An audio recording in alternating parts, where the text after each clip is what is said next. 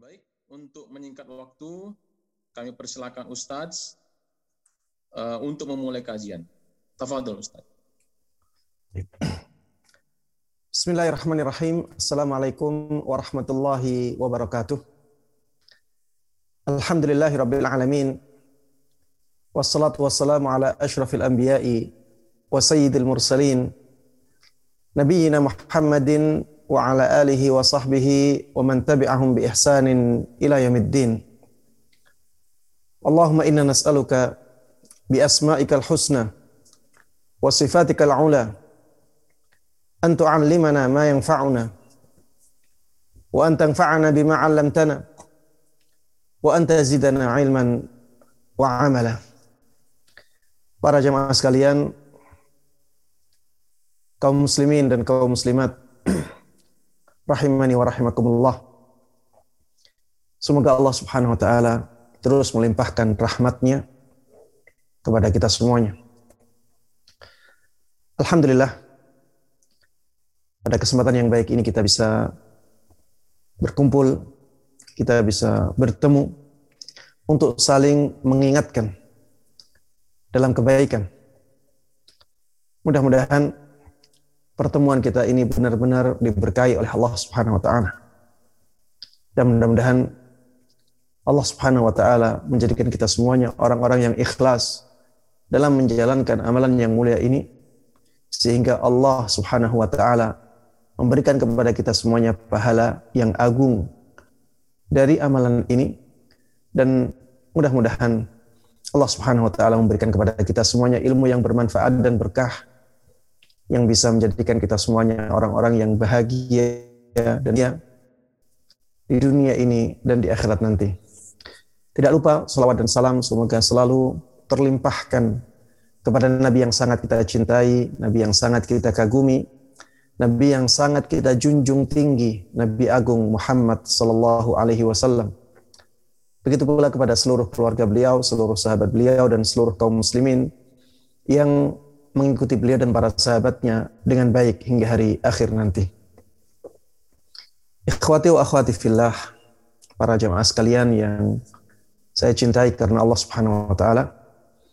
Tema kajian kita pada kesempatan kali ini adalah tema kajian yang sangat penting untuk kita semuanya. Sangat penting bagi saya sebagai penyampai materi dan insya Allah juga sangat penting bagi teman-teman sekalian. Karena memang waktunya sangat pas. Bersiaplah menyambut Ramadan. Mengapa kita harus bersiap-siap menyambut bulan Ramadan ini? Karena memang bulan Ramadan ini bulan yang sangat istimewa. Kalau kita umpamakan bulan Ramadan ini sebagai tamu, maka bulan Ramadan termasuk di antara tamu yang sangat istimewa sekali. Kalau misalnya ada seorang presiden ingin bertamu ke rumah kita, dan kita tahu kapan waktu presiden berkunjung ke rumah kita, maka tentunya kita akan mempersiapkan persiapan yang sangat matang, persiapan yang sangat baik, persiapan yang sangat istimewa untuk tamu yang istimewa itu. Maka begitu pula harusnya kita terhadap bulan Ramadan ini. Harusnya kita juga benar-benar bersiap-siap untuk menyambut bulan yang sangat istimewa ini. Mungkin ada yang bertanya-tanya, apa sih keistimewaan bulan Ramadan? Keistimewaan bulan Ramadan ini sangat banyak sekali. Di antaranya yang pertama, bulan ini bulan yang diistimewakan oleh Allah Subhanahu wa taala dengan ibadah yang sangat istimewa, yaitu ibadah puasa. Ibadah yang sangat diistimewakan oleh Allah Subhanahu wa taala. Sebagaimana Rasulullah sallallahu alaihi wasallam sabdakan, "Kullu amal ibni Adam yudha'af." semua amalan anak Adam itu dilipat gandakan pahalanya oleh Allah Subhanahu wa taala. Al hasanatu ashru amsalha ila sab'i mi'ati dhi'fin. Satu kebaikan itu bisa mendatangkan 10 kali lipatnya.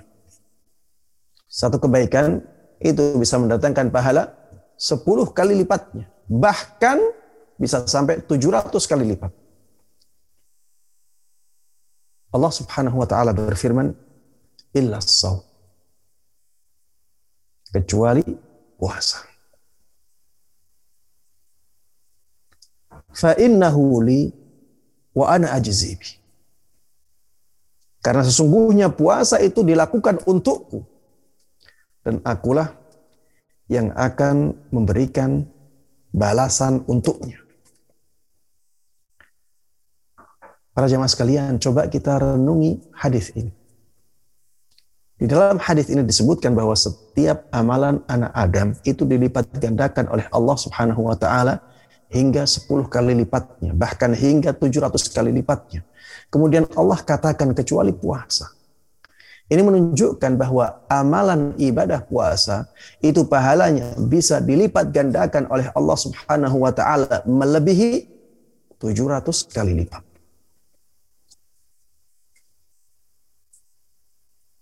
Dan itu kembali kepada Allah Subhanahu wa taala. Ini menunjukkan bahwa ibadah puasa ini ibadah yang sangat diistimewakan oleh Allah Subhanahu wa taala. Dan bulan Ramadan dipilih oleh Allah Subhanahu wa taala sebagai bulan diwajibkannya ibadah yang sangat istimewa ini. Menunjukkan bahwa bulan ini bulan yang sangat Allah istimewakan. Kemudian yang kedua, yang menunjukkan keistimewaan bulan Ramadan, bulan Ramadan dipilih oleh Allah Subhanahu wa taala sebagai bulan diturunkannya kitab yang paling baik yaitu Al-Qur'an. Sebagaimana Allah tegaskan di dalam surat Al-Baqarah, "Syahrul Ramadan alladzi unzila fihi al-Qur'an." Bulan Ramadan bulan yang di dalamnya Al-Qur'an diturunkan. Di dalam surat Ad-Dukhan Allah Subhanahu wa taala berfirman, "Inna anzalnahu fi lailatin mubarakah." Sesungguhnya kami benar-benar telah menurunkan Al-Qur'an di malam yang penuh dengan keberkahan. Di dalam surat Al-Qadr Allah Subhanahu wa taala berfirman, "Inna anzalnahu fi lailatul qadr." Sungguh kami telah menurunkan Al-Qur'an di malam Lailatul Qadar. Al-Quran kitab yang paling istimewa di antara kitab-kitab Allah yang lain. Dan Allah memilih bulan Ramadan sebagai bulan diturunkannya Al-Quran. Maka ini menunjukkan bahwa bulan Ramadan ini bulan yang sangat istimewa. Termasuk di antara keistimewaan bulan Ramadan, bahwa di bulan ini pintu-pintu surga semuanya dibuka oleh Allah Subhanahu wa taala. Sebaliknya pintu-pintu neraka semuanya ditutup oleh Allah Subhanahu wa taala. Sebagaimana Rasulullah sallallahu alaihi wasallam sabdakan. "Idza dakhala Ramadan futtihat abwabul jannah." Apabila bulan Ramadan masuk semua pintu surga dibuka oleh Allah Subhanahu wa taala. Wa ghulliqat abwabul jahim. Dan semua pintu neraka ditutup oleh Allah Subhanahu wa taala. Kalau bulan Ramadan bukan bulan yang istimewa, Allah tidak akan istimewakan bulan ini dengan keistimewaan yang seperti ini. semua pintu surga oleh Allah Subhanahu wa taala. Semua pintu neraka ditutup oleh Allah Subhanahu wa taala. Ketika Allah Subhanahu wa taala mengistimewakan bulan Ramadan ini, maka sungguh sangat tidak pantas apabila kita tidak bersiap-siap menyambut bulan ini. Bulan Ramadan para jemaah sekalian diistimewakan oleh Allah Subhanahu wa taala dengan dibelenggunya setan. Tidak ada keistimewaan seperti ini di selain bulan Ramadan. Rasulullah Shallallahu alaihi wasallam pernah bersabda, "Idza kana awwalu lailatin min syahri Ramadan, suffidatis syayatin wa maradatul jin." Apabila di awal malam bulan Ramadan. Semua setan dibelenggu oleh Allah Subhanahu wa taala. Begitu pula gembong-gembongnya jin.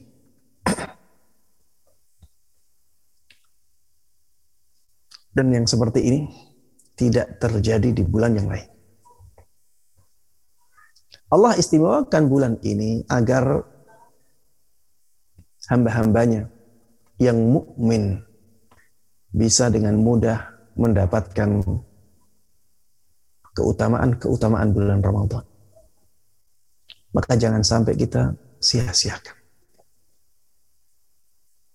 Dibelenggunya setan menjadikan kita mudah dan ringan melakukan amal-amal ketaatan di bulan ini. Jangan heran ya ketika bulan Ramadan kita sangat ringan menjalankan puasa. Karena memang setan-setan dibelenggu oleh Allah Subhanahu wa taala. Kita mudah untuk membaca Al-Qur'an. Kita mudah untuk sholat malam, sholat tarawih setiap malamnya. Kita mudah dan ringan untuk bersedekah di bulan ini. Karena memang musuh utama manusia dibelenggu oleh Allah Subhanahu wa taala.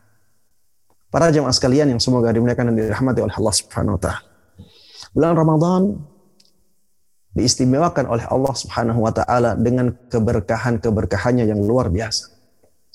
Rasulullah Shallallahu alaihi wasallam pernah bersabda, "Atakum Ramadan syahrun mubarak." Beliau pernah bersabda, "Telah datang kepada kalian bulan Ramadan." Bulan yang dipenuhi dengan keberkahan.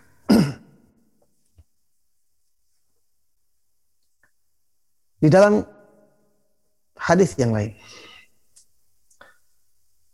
Rasulullah Shallallahu Alaihi Wasallam menyabdakan tentang keistimewaan bulan Ramadan bahwa setiap malam di bulan ini ada malaikat-malaikat yang memanggil untuk melakukan kebaikan. Beliau bersabda, "Idza kanat awwalu lailatin min Ramadan." Apabila telah datang malam pertama bulan Ramadan, nada munadin, ya baghiyal khairi aqbil. Ada malaikat yang memanggil-manggil, wahai orang yang menginginkan kebaikan. Ayo semangat melakukan kebaikan itu. Wa ya syar aksir. Wahai orang yang menginginkan keburukan. Menginginkan kemaksiatan. Tinggalkan kemaksiatan itu. Jangan melakukannya. Walillahi utaqa minan nar. Wadhalika fi kulli laylah. Dan Allah Subhanahu wa taala memiliki hamba-hamba yang Allah bebaskan mereka dari neraka. Dan itu terjadi di setiap malam. Ya, di hadis ini kita bisa memahami ada dua keistimewaan yang dijelaskan oleh Rasulullah Sallallahu Alaihi Wasallam tentang bulan Ramadan. Keistimewaan yang pertama adanya malaikat-malaikat yang memanggil-manggil manusia untuk melakukan kebaikan. Keistimewaan yang kedua, adanya hamba-hamba Allah yang Allah bebaskan mereka dari siksa neraka. Maka sungguh ini bulan yang sangat diistimewakan oleh Allah Subhanahu wa taala. Para jemaah sekalian yang semoga dimuliakan dan dirahmati oleh Allah Subhanahu wa taala. Di bulan Ramadan pintu rahmat Allah Subhanahu wa taala dibuka lebar. Sebagaimana Rasulullah sallallahu alaihi wasallam sabdakan, "Idza kana Ramadan futihat abwabur rahmah." Apabila datang bulan Ramadan, pintu-pintu rahmat dibuka oleh Allah Subhanahu wa taala. Ketika bulan Ramadan, pintu ampunan, pintu maghfirah juga dibuka lebar oleh Allah Subhanahu wa taala. Lihatlah bagaimana puasa Ramadan. Rasulullah sabdakan, barang siapa yang berpuasa Ramadan karena dorongan keimanan dia dan karena dorongan dia ingin mendapatkan pahala dari Allah Subhanahu wa taala, maka dosa-dosanya yang telah lalu diampuni oleh Allah Subhanahu wa taala. Rasulullah katakan dalam sabdanya yang, yang lain bahwa Ramadan yang satu dengan Ramadan yang lain bisa menjadi penghapus dosa-dosa yang dilakukan di antara keduanya. Lihatlah keutamaan salat malam di bulan Ramadan. Man qama Ramadana imanan wa ihtisaba, ghufira lahu ma taqaddama min dhanbi. Barang siapa yang salat qiyamul lail di bulan Ramadan karena dorongan keimanan dia dan dorongan dia ingin mendapatkan pahala dari Allah Subhanahu wa taala, maka Allah akan ampuni dosa-dosa dia yang telah lalu. Lihatlah sabda Nabi Muhammad sallallahu alaihi wasallam tentang qiyamul lail di malam Lailatul Qadar. Man qama Lailatul Qadri imanan wa ihtisaba ghufira lahu ma taqaddama min dhanbi. Barang siapa yang melakukan qiyamul lail di malam Lailatul Qadar karena dorongan keimanan dia dan dorongan dia ingin mendapatkan pahala dari Allah Subhanahu wa taala, dosa-dosa yang telah lalu diampuni semuanya oleh Allah Subhanahu wa taala. Rasulullah Sallallahu Alaihi Wasallam sampai sabdakan, "Ragima anfu rajulin dakhala alaihi Ramadan thumman salah qabla an yughfar lah." Sungguh celaka orang yang masuk bulan Ramadan. Sungguh celaka orang yang memasuki bulan Ramadan. Kemudian bulan Ramadan selesai tapi dia belum diampuni oleh Allah Subhanahu orang yang tidak diampuni oleh Allah Subhanahu wa taala setelah bulan Ramadan selesai itu menunjukkan bahwa dia benar-benar tidak baik. Bagaimana dia tidak diampuni dosa-dosanya?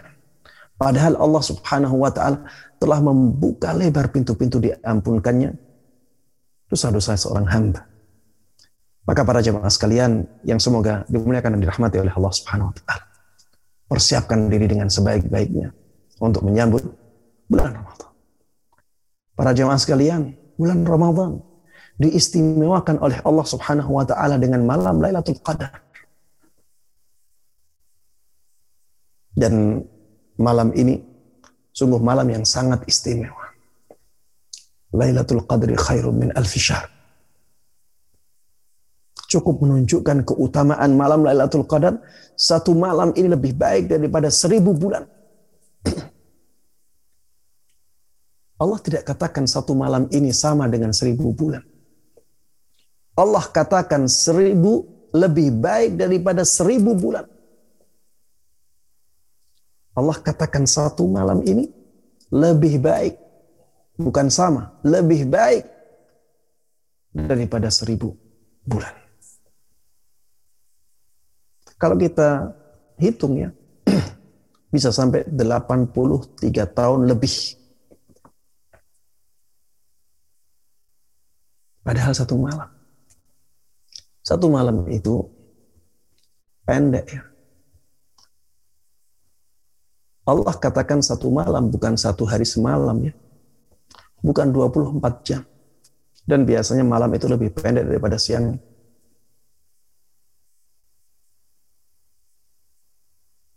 Kalau dihitung-hitung dengan hitungan kasar. Kalau dihitung dengan hitungan kasar saja, satu malam ini ibadah di malam Lailatul Qadar ini dilipat gandakan oleh Allah hingga 60 ribu kali lipat. Coba hitung nanti akan ketemu hitungannya.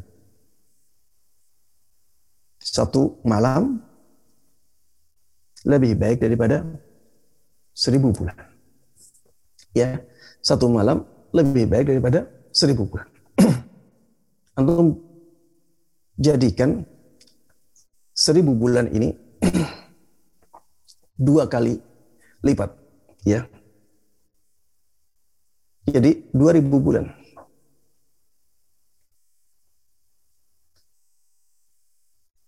Karena ini hanya semalam saja, tidak sehari semalam.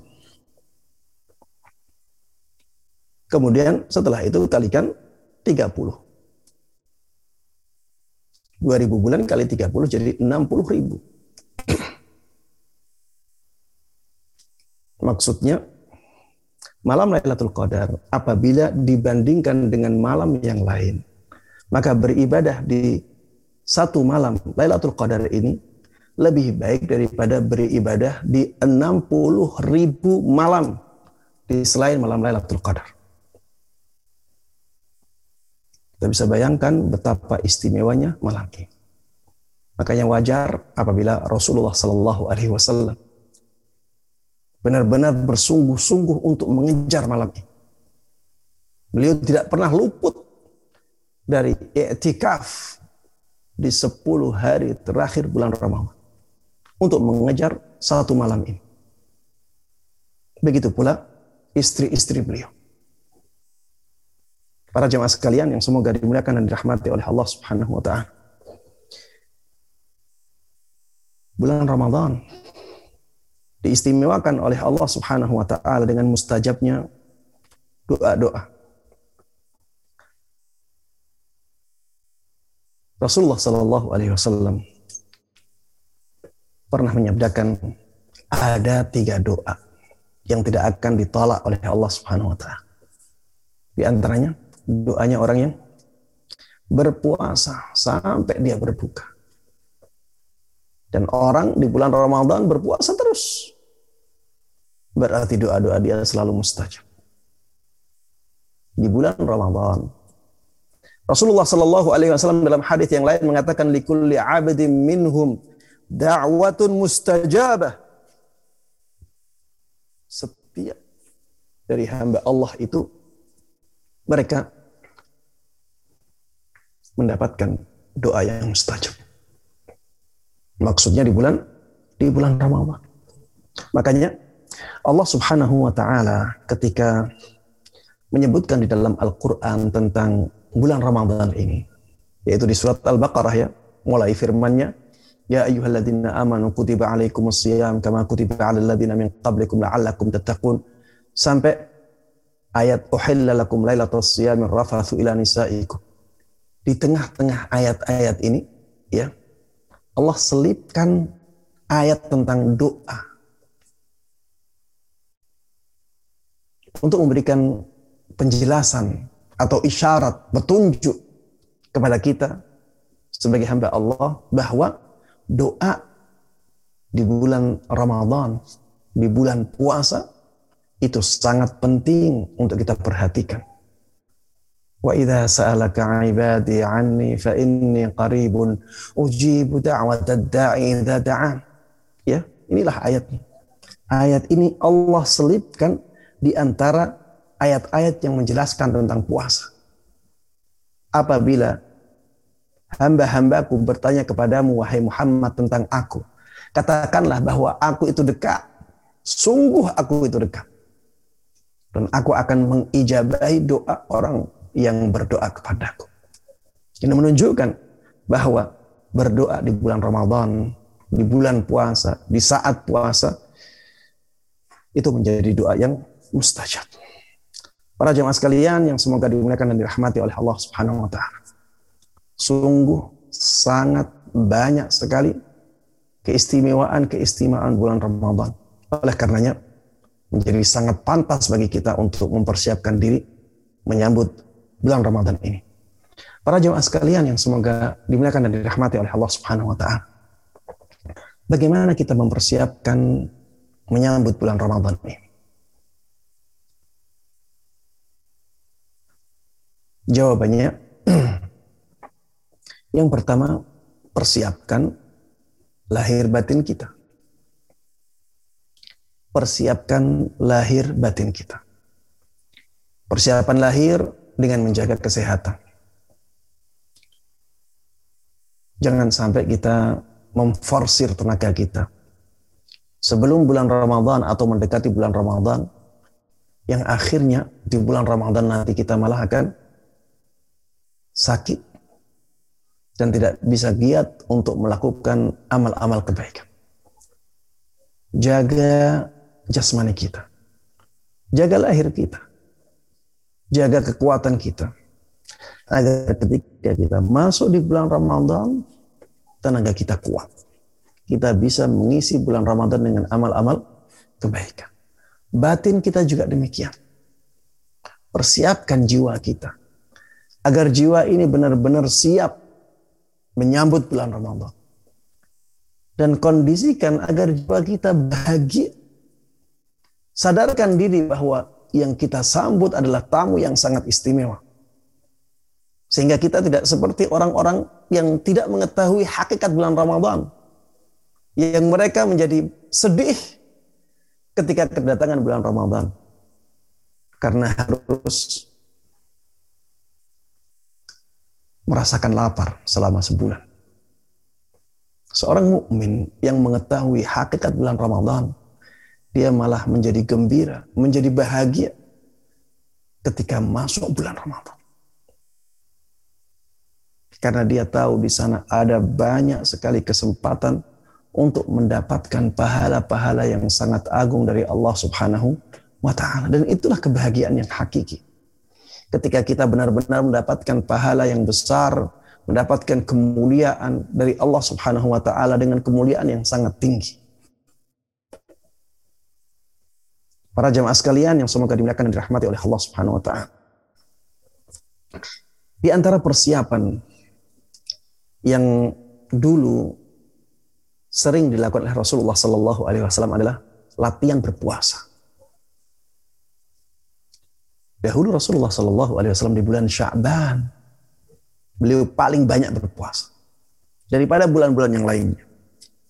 Ibunda kita Aisyah radhiyallahu taala anha pernah mengatakan walam arahu saima min syahrin qat akthar min siyamihi min sya'ban aku tidak pernah melihat Rasulullah sallallahu alaihi wasallam berpuasa di salah satu bulan melebihi puasa beliau di bulan Sya'ban. Maksudnya beliau ini paling banyak puasanya di bulan Syaban. Ya tentunya di selain bulan Ramadan. Di selain bulan Ramadan, Rasulullah Shallallahu Alaihi Wasallam paling banyak puasanya itu di bulan Syaban. Karena yasumu Sya'bana kullah. Ibunda kita Aisyah radhiyallahu taala anha di dalam hadis ini mengatakan dahulu beliau berpuasa di bulan Sya'ban seluruhnya dari awal sampai akhir. Beliau juga mengatakan kana yasumu sya'bana illa qalila.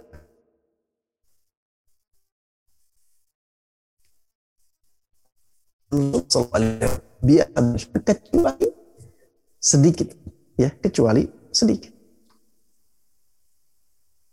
Para ulama memang berbeda pendapat di sini.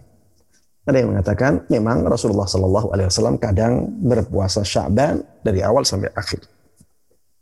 Kadang di tahun yang lain beliau berpuasa Syaban kecuali sedikit. Berpuasa di seluruh Syaban kecuali sedikit. Ada yang berpendapat demikian.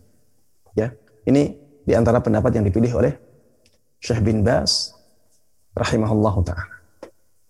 Ada yang mengatakan ya ini pendapatnya Al-Hafidh Ibn Hajar Al-Asqalani beliau mengatakan bahwa yang dimaksud dengan perkataan ibunda kita Aisyah radhiyallahu taala anha beliau itu berpuasa di bulan Sya'ban secara keseluruhan maksudnya adalah di sebagian besarnya. Dan ini ada dalam perkataan orang Arab ya. Kalau eh, seseorang berpuasa satu bulan kecuali hanya sehari dua hari itu bisa dikatakan dia berpuasa di bulan itu seluruhnya. Ya, ini juga salah satu pendapat ya. Namun terlepas dari perbedaan pendapat ini, tetap saja itu menunjukkan bahwa Rasulullah Shallallahu Alaihi Wasallam dahulu membiasakan diri untuk berpuasa sebelum datangnya bulan Ramadan. Kemudian para jemaah sekalian yang semoga dimuliakan dan dirahmati oleh Allah Subhanahu wa taala. Kalau kita melihat kebiasaan ulama salaf di bulan Syaban ini. Mereka biasanya memperbanyak membaca Al-Qur'an. Sampai-sampai ya Salamah rahimahullah taala salah seorang ulama salaf pernah mengatakan syahrul sya'ban syahrul qurra bulan sya'ban itu bulannya orang-orang yang ahli Quran. Orang-orang yang hafal Al-Quran. Habib ibn Abi Thabit. Habib ibn Abi Thabit pernah mengatakan kalau datang bulan Ramadan, hadza syahrul qurra. Ini adalah bulannya orang-orang ahli Quran. Ini bulannya para penghafal Al-Quran. Karena mereka memperbanyak membaca Al-Quran di bulan Syaban. Amr ibn Qais Al-Mulai rahimahullahu taala apabila datang bulan Sya'ban, beliau menutup tokonya. Wa tafarraga liqira'atil Qur'an. Dan dia benar-benar fokus untuk membaca Al-Quran. Dan seperti inilah ya kebiasaan sebagian ulama salaf di zaman dahulu. Mereka bersiap-siap untuk membiasakan diri membaca Al-Quran sebanyak-banyaknya di bulan Syaban agar di bulan Ramadan nanti sudah terbiasa dengan memperbanyak membaca Al-Qur'an. Maka para jemaah sekalian persiapkan diri. Sebelum datang bulan Ramadan, perbanyak membaca Al-Qur'an, perbanyak berpuasa. Kemudian bersihkan diri dari dosa. Banyak beristighfar, banyak bertaubat kepada Allah Subhanahu wa taala agar jiwa kita bersih dari dosa. Kalau jiwa bersih dari dosa, maka jiwa ini akan sehat sehingga dia akan ringan untuk melakukan amal-amal kebaikan. Amr ibn Qais al-Mulai pernah mengatakan, Tuba liman aslaha nafsahu qabla Ramadan. Sungguh sangat beruntung orang yang memperbaiki dirinya sebelum datangnya bulan Ramadan. Kita perbaiki, kita persiapkan jiwa kita. Agar Ramadan datang dia sudah siap dengan semua. Para jemaah sekalian yang semoga dimuliakan dan dirahmati oleh Allah Subhanahu wa taala. Di antara persiapan yang sangat penting untuk kita lakukan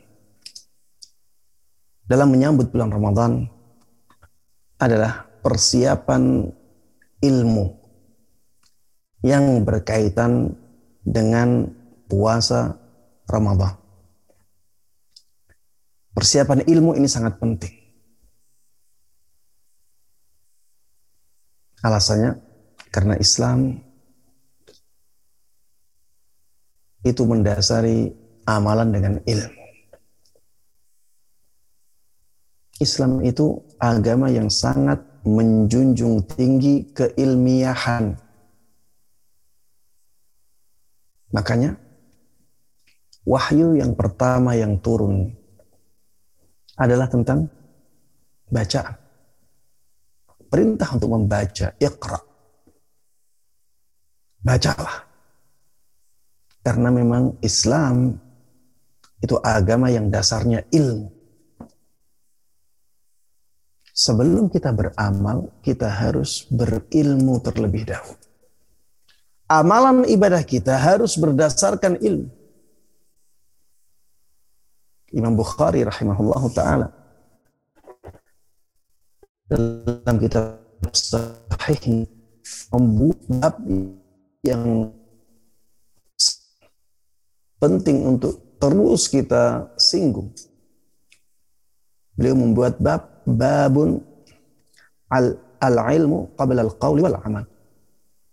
Bab yang menjelaskan tentang ilmu itu sebelum perkataan dan perbuatan.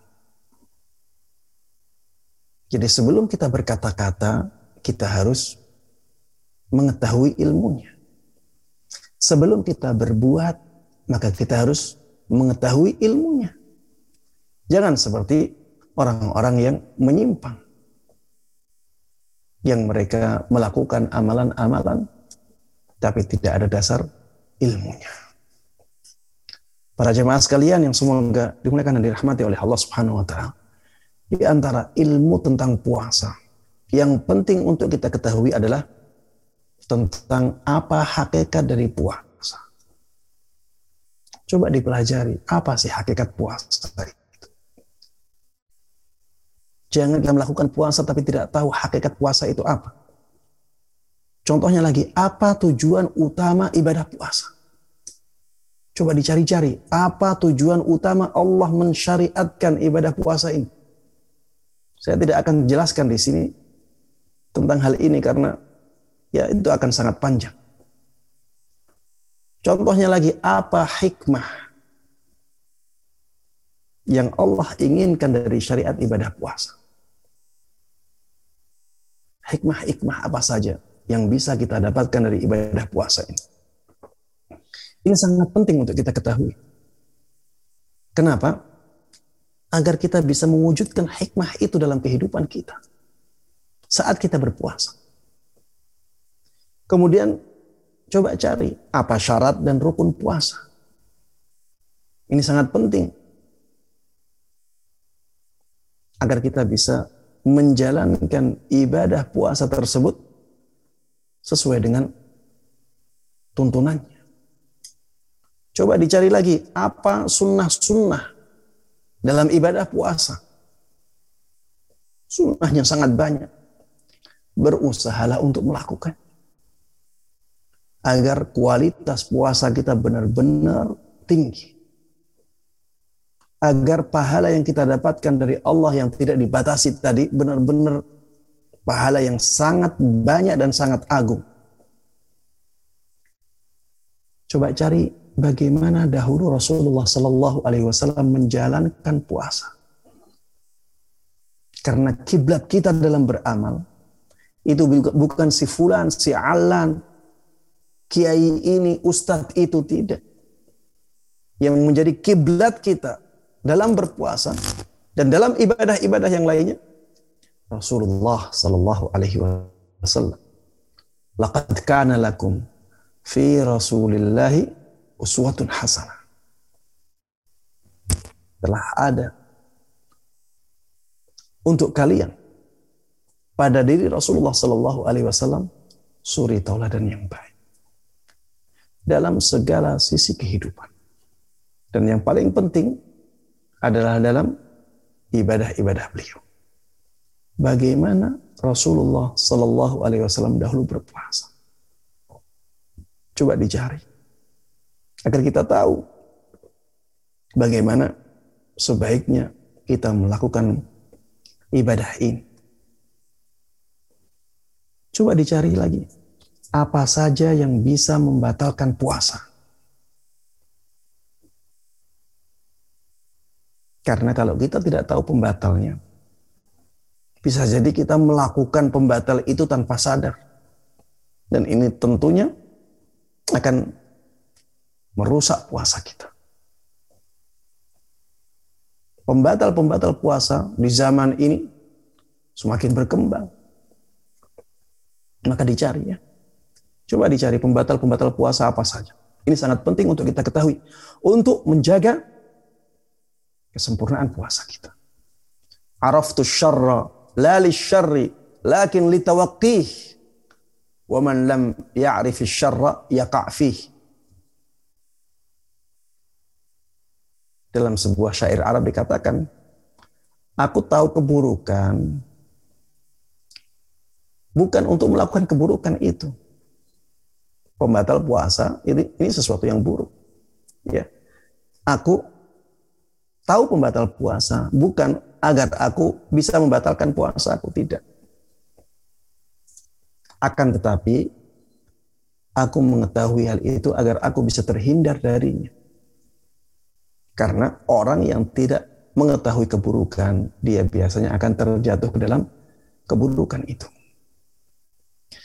Para jemaah sekalian yang semoga dimuliakan dan dirahmati oleh Allah Subhanahu wa taala. Di antara yang penting untuk kita ketahui adalah masalah apa saja yang bisa membatalkan pahala puasa. Jangan sampai nantinya kita hanya dapat dari puasa kita lapar dan dahaga saja. Sebagaimana Rasulullah Shallallahu Alaihi Wasallam sabdakan betapa banyak orang yang berpuasa tapi dia tidak mendapatkan dari puasanya kecuali hanya lapar dan dahaga saja. Jangan sampai kita masuk ke dalam orang-orang yang disebutkan oleh Rasulullah Sallallahu Alaihi Wasallam itu. Ada orang-orang yang puasanya sah, tapi ternyata tidak tidak mendapatkan pahala. Puasanya menggugurkan kewajibannya untuk berpuasa, tapi pahalanya hilang karena amalan dia. Para jemaah sekalian yang semoga dimuliakan dan dirahmati oleh Allah Subhanahu wa taala. Ketika kita sudah berpuasa, harusnya kita benar-benar mendapatkan manfaat yang besar dari puasa itu. Maka ya ketahui ilmunya. Kemudian para jemaah sekalian yang sangat penting juga dalam bersiap-siap untuk menyambut bulan Ramadan adalah mengetahui amalan apa saja yang sangat diistimewakan di bulan Ramadan. Ya. Amalan apa saja yang sangat diistimewakan untuk dilakukan di bulan Ramadan. Ini kita harus tahu. Tujuannya apa? Agar nantinya ketika masuk bulan Ramadan kita tidak bingung kita bisa fokus untuk melakukan amalan-amalan yang istimewa itu. Kita perbanyak amalan ini. Karena inilah yang diistimewakan. Jangan sampai kita malah sibuk melakukan amalan-amalan yang memang baik, tapi tidak diistimewakan di bulan Ramadan. Maka para jemaah sekalian yang semoga dimuliakan dan dirahmati oleh Allah Subhanahu wa taala, ketahuilah amalan-amalan yang diistimewakan oleh Allah Subhanahu wa taala di bulan Ramadan ini. Ya. Dan saya di sini akan menyebutkan tujuh amalan yang diistimewakan oleh Allah Subhanahu wa taala untuk dilakukan di bulan Ramadan ini. Ya, dan Ramadan-Ramadan yang lainnya agar kita bisa fokus untuk melakukan tujuh amalan ini. Amalan yang pertama adalah amalan puasa. Ini amalan wajib dan inilah yang paling dicintai oleh Allah Subhanahu wa taala. Karena Allah Subhanahu wa taala mengatakan di dalam hadis qudsinya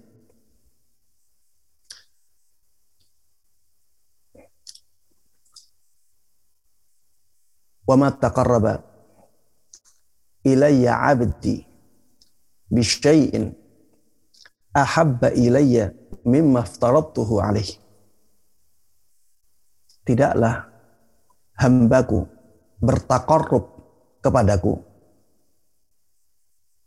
dengan suatu amalan yang lebih aku cintai melebihi amalan-amalan yang aku wajibkan kepadanya. Maksud dari hadis ini adalah bahwa amalan yang paling dicintai oleh Allah Subhanahu wa taala yang dilakukan oleh hambanya untuk mendekatkan dirinya kepada Allah adalah amalan-amalan yang Allah wajibkan kepada dia.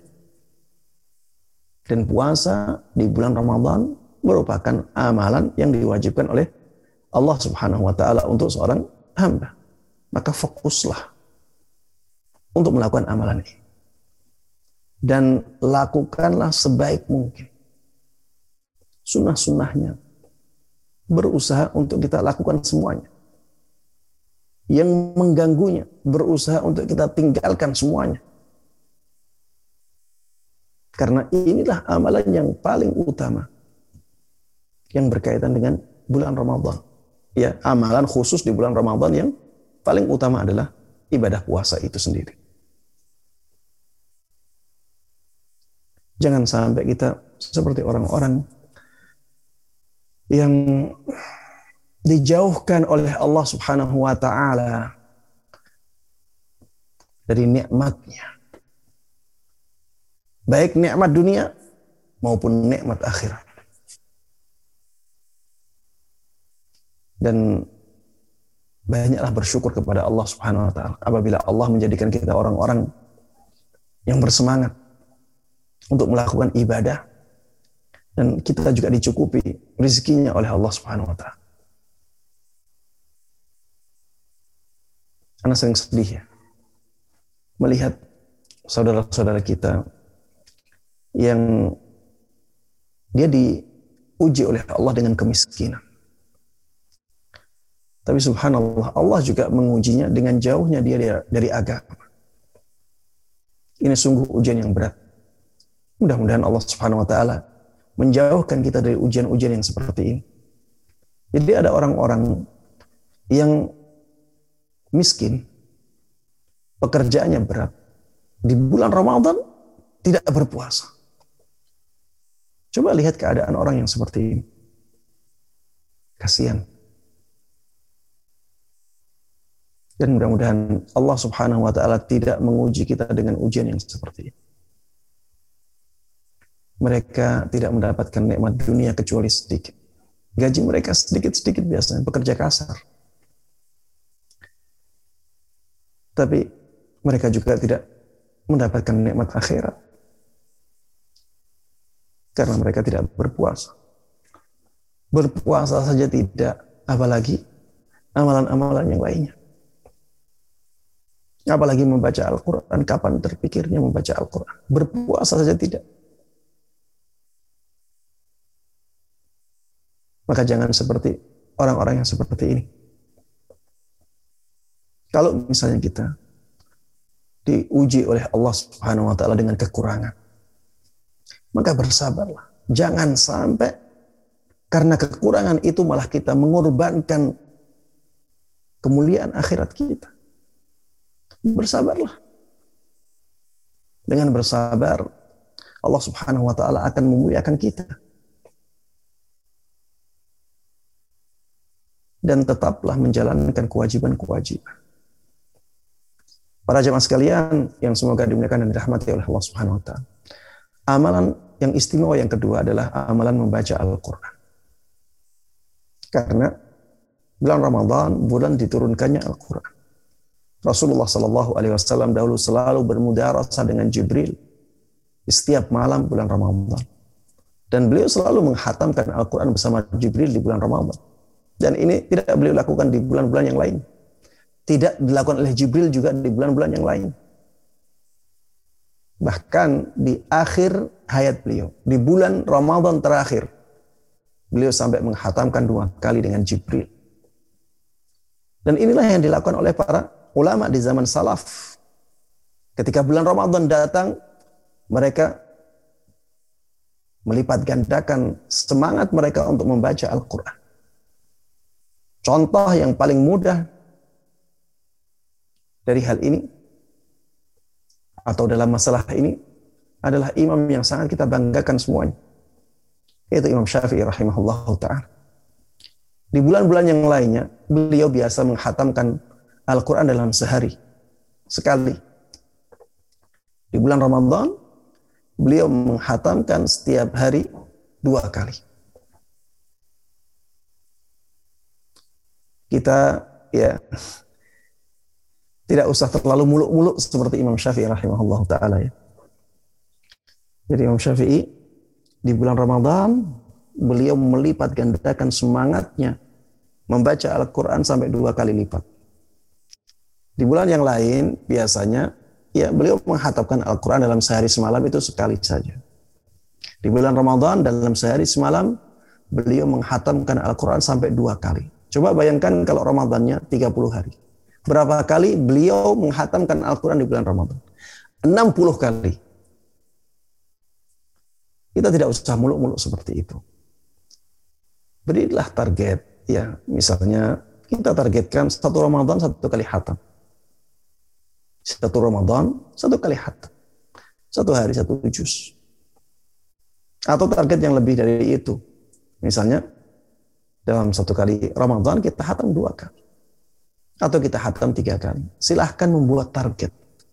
Target yang bisa diwujudkan dan masuk akal. Kalau kita punya target, insya Allah ya, saat bulan Ramadan datang, kita jalannya jelas, targetnya jelas. Kalau tidak punya target, biasanya kurang semangat. Dan tetap ikhlas ya, mengharapkan pahala dari Allah Subhanahu wa taala. Kemudian amalan yang ketiga yang istimewa di bulan Ramadan adalah amalan sedekah. Rasulullah Shallallahu Alaihi Wasallam dahulu mengistimewakan Ramadan dengan sedekah. Sedekah ini umum ya. Intinya kita menginfakkan harta kita di jalan Allah Subhanahu wa taala. Kita menginfakkan harta kita di jalan Allah Subhanahu wa taala dan sasaran infak kita banyak ya. Bisa fakir miskin, bisa untuk eh, donasi. Buka puasa, bisa untuk donasi. Kegiatan-kegiatan di bulan Ramadan, bisa berinfak untuk wakaf ya. Misalnya wakaf pembangunan masjid wakaf pembelian tanah untuk lembaga-lembaga pendidikan dan seterusnya. Ya intinya sedekah. Mengeluarkan harta menginfakkan harta kita di jalan Allah Subhanahu wa taala di jalan kebaikan Rasulullah Shallallahu alaihi wasallam dahulu orang yang paling dermawan tidak pernah beliau menolak permintaan dari sahabat.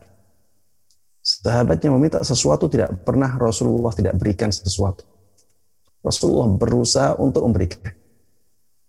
Sampai ya pernah Rasulullah Shallallahu Alaihi Wasallam mendapatkan baju baru dari salah seorang sahabatnya. Beliau dikasih hadiah.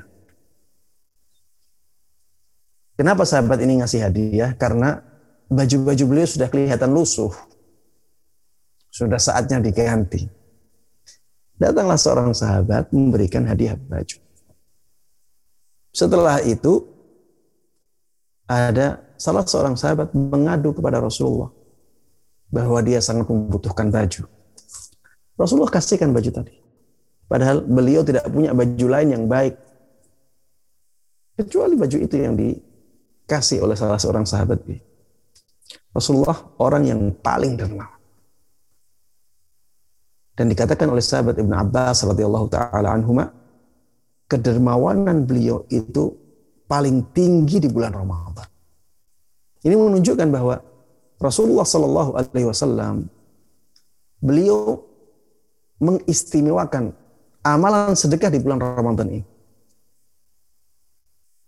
Makanya para jemaah sekalian, ya bersemangatlah untuk bersedekah di bulan Ramadan. Ya, tentunya amalan sedekah ini menjadi lebih afdal daripada bersedekah di bulan lain karena bulan Ramadan ini bulan yang diistimewakan oleh Allah Subhanahu wa taala. Kemudian yang keempat para jemaah sekalian, banyaklah berdoa di bulan Ramadan. Banyak berdoa. Doa di bulan Ramadan doa yang mustajab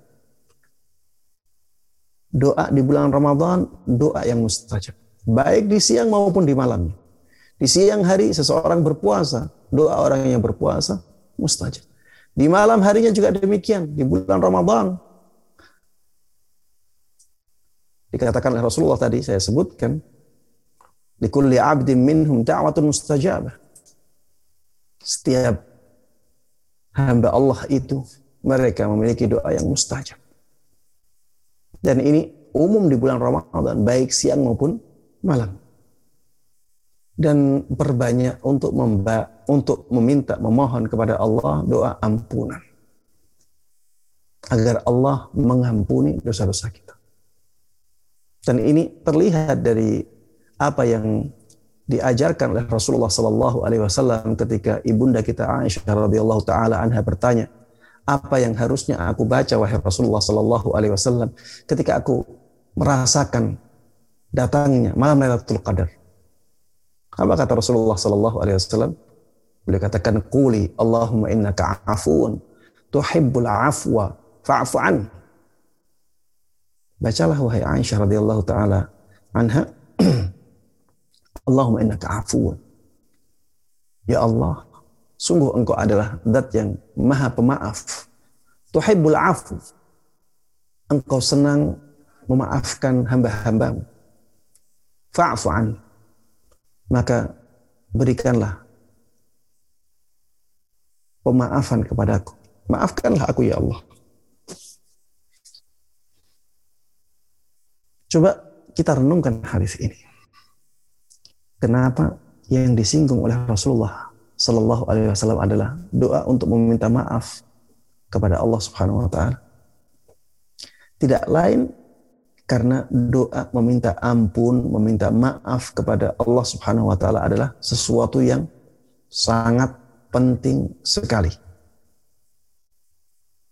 Sampai kalau misalnya kita melihat malam Lailatul Qadar, maka yang paling pantas untuk kita panjatkan adalah doa ini. Makanya diajarkan oleh Rasulullah Sallallahu Alaihi Wasallam kepada ibunda kita Aisyah radhiyallahu taala anha ketika bertanya dengan pertanyaan seperti itu.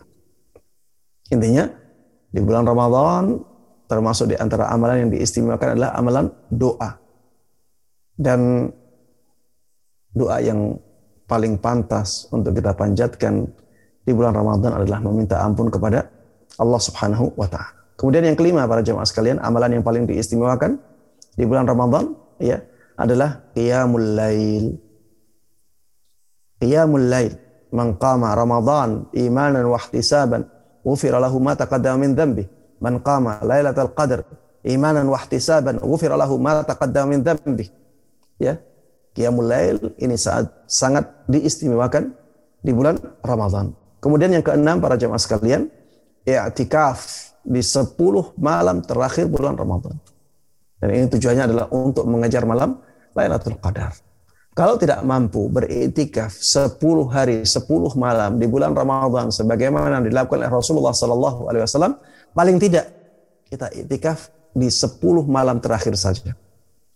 Karena biasanya kita punya tanggungan kewajiban untuk bekerja di siang harinya. Maka ya paling tidak malam harinya kita itikaf ya di masjid-masjid ya. Mudah-mudahan eh, nantinya masyarakat bisa disiplin dalam mempraktekkan atau menerapkan protokol kesehatan di masjid-masjid ketika iktikaf ya. Intinya ini amalan yang sangat diistimewakan di bulan Ramadan karena tidak pernah ditinggalkan oleh Nabi kita Muhammad Sallallahu Alaihi Wasallam dan para istri beliau setelah beliau wafat juga tidak pernah ketinggalan untuk etikaf di bulan uh, di 10 hari terakhir bulan Ramadan. Kemudian yang ketujuh, kalau bisa lakukan umroh. Ini juga sangat diistimewakan di bulan Ramadan karena Rasulullah Shallallahu Alaihi Wasallam pernah menyabdakan, umratun fi Ramadan ta'dilu hajjah. Umrah di bulan Ramadan itu sebanding dengan ibadah haji pahalanya. Dalam riwayat lain dikatakan ta'dilu hajjatan ma'i. Pahalanya sebanding dengan pahala haji bersamaku. Ya bersama Rasulullah Shallallahu Alaihi Wasallam. Para jemaah sekalian yang semoga dimuliakan dan dirahmati oleh Allah Subhanahu wa taala, inilah yang bisa Anda sampaikan dalam kesempatan kali ini. Intinya persiapkan diri kita untuk menyambut bulan Ramadan dengan persiapan-persiapan yang saya sampaikan tadi. Mudah-mudahan Allah Subhanahu wa taala memberikan taufiknya kepada kita semuanya untuk bisa beramal dengan sebaik mungkin dan sebanyak mungkin di, bulan Ramadan nanti. Dan mudah-mudahan Allah terima sebagai amalan yang agung pahalanya.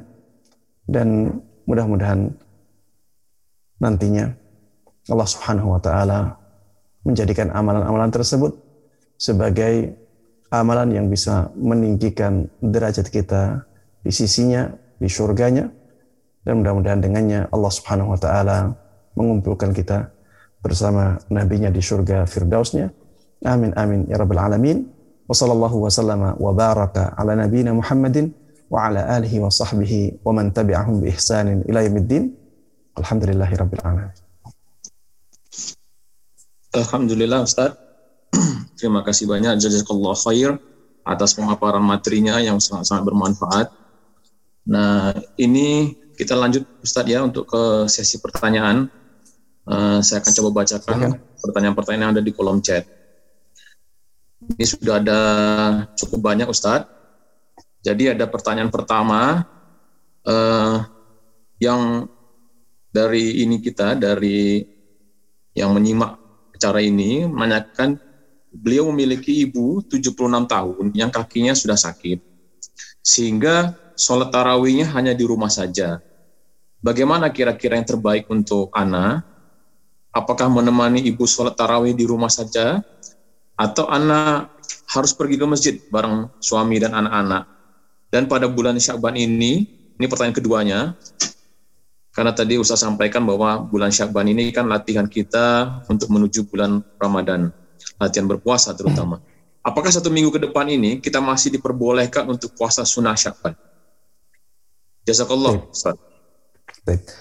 Para jemaah sekalian, kita harus fahami ya bahwa seorang wanita, ya karena ini yang bertanya adalah uh, uh, saudari uh, muslimah, seorang wanita itu sholatnya lebih utama di rumahnya. Memang tidak ada larangan bagi kaum muslimah untuk sholat di masjid. Tapi kalau ditanya mana yang lebih utama, sholat di masjid atau sholat di rumah? Jawabannya sholat di rumah. Berbeda dengan seorang laki-laki. Jamaah laki-laki yang sudah balik itu punya kewajiban untuk sholat berjamaah di rumah. Ya. Adapun sholat tarawih tetap dianjurkan untuk sholat di masjid. Karena itulah yang dilakukan oleh para sahabat Nabi Muhammad SAW di zamannya sahabat Umar ibn Khattab radhiyallahu taala anhu. Sehingga untuk penanya ya karena seorang akhwat maka lebih baik menemani ibu di rumah. Dan di sini ada dua pahala. Pahala yang pertama pahala menemani ibu. Ini pahala yang pertama, ya. Pahala yang kedua ya pahala sholat di rumah. Mungkin ada yang bertanya, Ustadz kalau sholat di rumah jadinya malas-malasan Ustadz. Bahkan bisa jadi tidak sholat. Maka jawabannya kalau dikhawatirkan jadinya tidak sholat ketika sholat di rumah atau malas-malasan sholat di rumah, ya tetap akhirnya lebih baik untuk sholat di masjid. Ya, karena daripada tidak sholat malam, lebih baik sholat malam walaupun di masjid. Tapi kalau misalnya sholat di rumah bisa tetap semangat, ya, apalagi ada kebutuhan, ada desakan untuk menemani ibu, ya, maka lebih baik sholat di rumah. Dan ini termasuk di antara bentuk bakti yang sangat tinggi keutamaannya bagi seorang anak, ya. Dan kalau ada teman, ya biasanya bisa lebih semangat. Ya, ada ibu, ada anak, dua orang insya Allah bisa menjadikan e, ibu dan anak benar-benar semangat dalam menjalankan sholat tarawihnya. Wallahu taala alam. Tapi pertanyaan yang kedua tentang apa tadi? Uh, pertanyaan kedua itu tentang kan bulan Syaban ini adalah latihan kita Ustadz. Nah, tadi Ustadz ya. sampaikan yeah. latihan kita menjelang bulan Ramadan. Nah ini masih ada beberapa hari kemudian menuju Ramadan. Apakah kita masih diperbolehkan untuk puasa sunnah Syaban? Iya, tidak ada masalah ya. Tidak ada masalah apabila eh, apabila kita melakukan puasa walaupun kita sudah melewati pertengahan bulan Syaban ya. Eh,